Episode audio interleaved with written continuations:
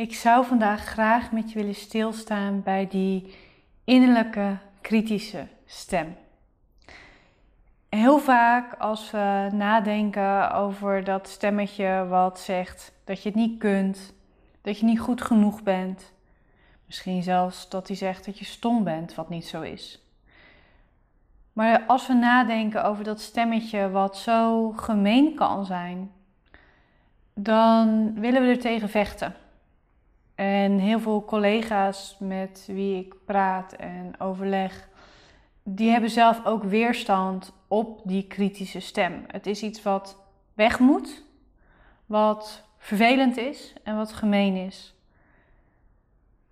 Ik kijk daar iets anders tegenaan en misschien jij ook. Ik wil het in ieder geval met je delen, zodat je eigen visie erover kunt vormen. Ik ben namelijk heel intensief in gesprek geweest met deze innerlijke kritische stem, omdat die bij mij extreem sterk was, extreem gemeen was. En een van de vragen die voor mij heel veel veranderde was de vraag: niet wat wil je van mij, maar wat wil je voor mij? En toen kwam voor mij echt een transformatie in dat proces. En dat is het stukje dat naar voren kwam dat die innerlijke kritische stem maar één ding voor mij wil. En dat is dat ik leef en dat ik overleef. Het is het stemmetje wat mij wijst op mijn schaduwzijden die mijn aandacht nodig hebben. Op mijn eigen onzuiverheden. Het wijst mij op de dingen die ik niet goed doe tussen aanhalingstekens, zodat ik daar wat aan kan doen. Het wijst mij erop als ik niet echt het zesje of het zeventje uit mezelf haal. Ik hoef niet die tien eruit te halen van die kritische stem. Maar als ik onderpresteer, dan wijst het me erop. Het wijst mij erop als ik niet helemaal eerlijk ben. Het wijst mij op mijn wonden.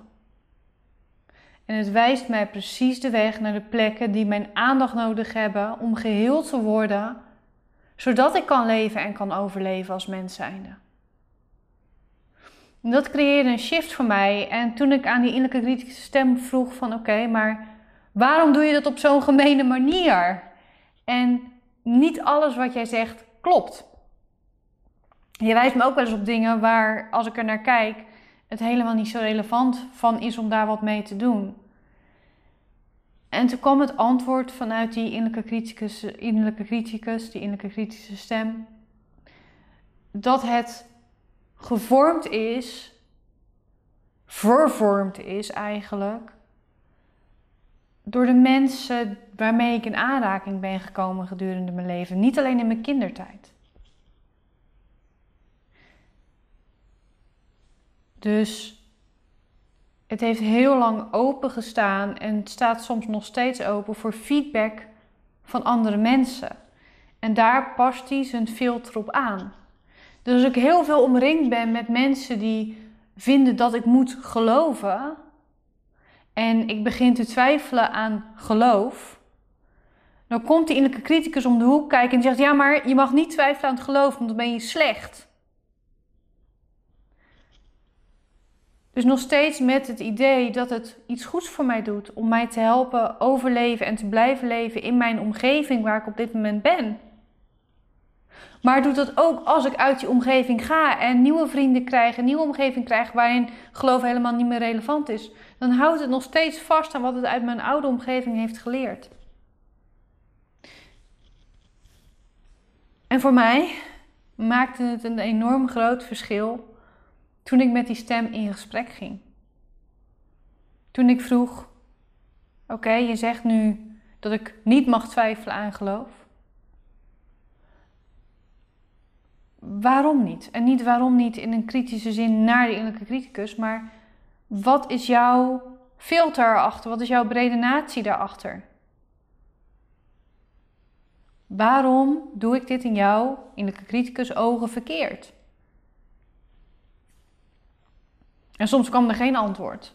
En dan wist ik ook dat het helemaal de weg kwijt was op dit punt.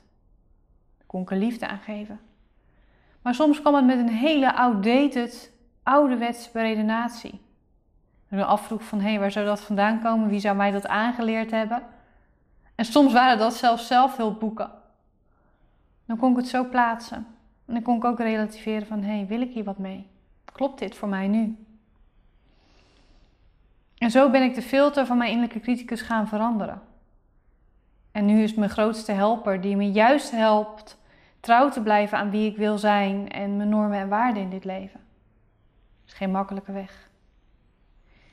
Maar het aankijken van je innerlijke criticus en het beseffen dat hij het goed met je voor heeft, kan heel veel shiften voor je. Daar wil ik graag een korte meditatieoefening mee doen. Waartoe ik je uit wil nodigen, is dat je even gaat zitten. Eerst even je kaak ontspant. Daar slaan we zoveel spanning op. Dus laat die kaak maar hangen. En je schouders vervolgens laat ze maar hangen. Span je schouders maar. En dan mag je een hand op je hart leggen.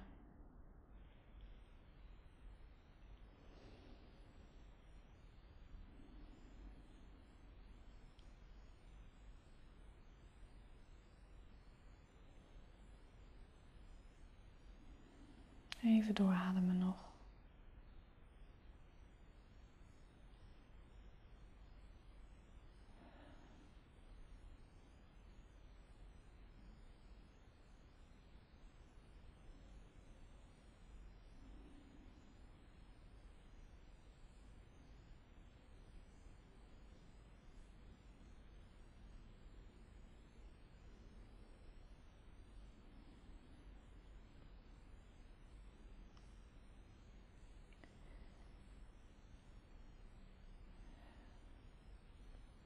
Stel jezelf de vraag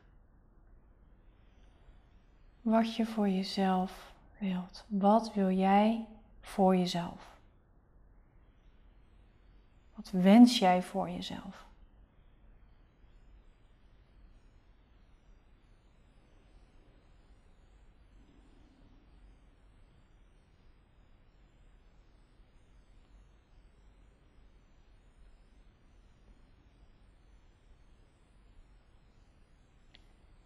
Jouw kritische stem,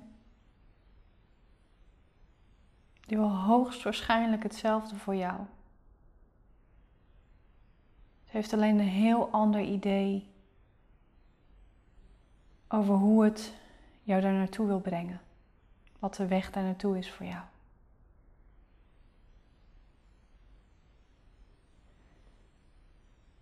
Maar het staat open voor samenwerking. Jouw kritische stem die wil met jou samenwerken, die wil jou helpen. En die staat open voor jouw feedback.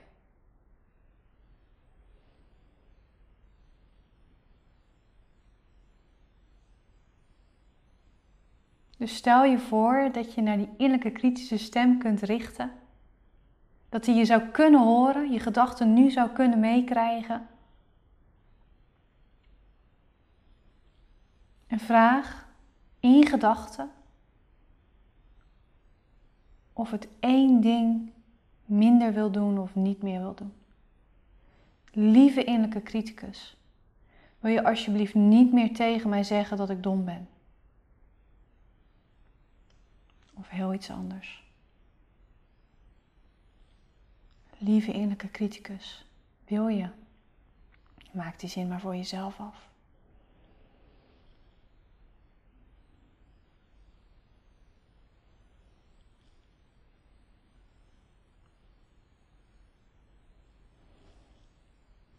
Ergens voel je die reactie die ja, want dat wil het.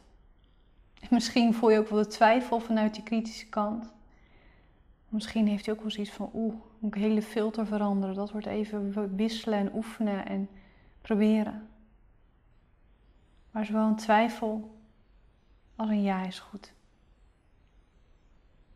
Dankjewel, innerlijke criticus, dankjewel. Dankjewel dat je dit doet. Zo ja. Mag je handen even op je bovenbenen neerleggen. Nog heel eventjes met jezelf zo zijn. Het heel even laten doorwerken.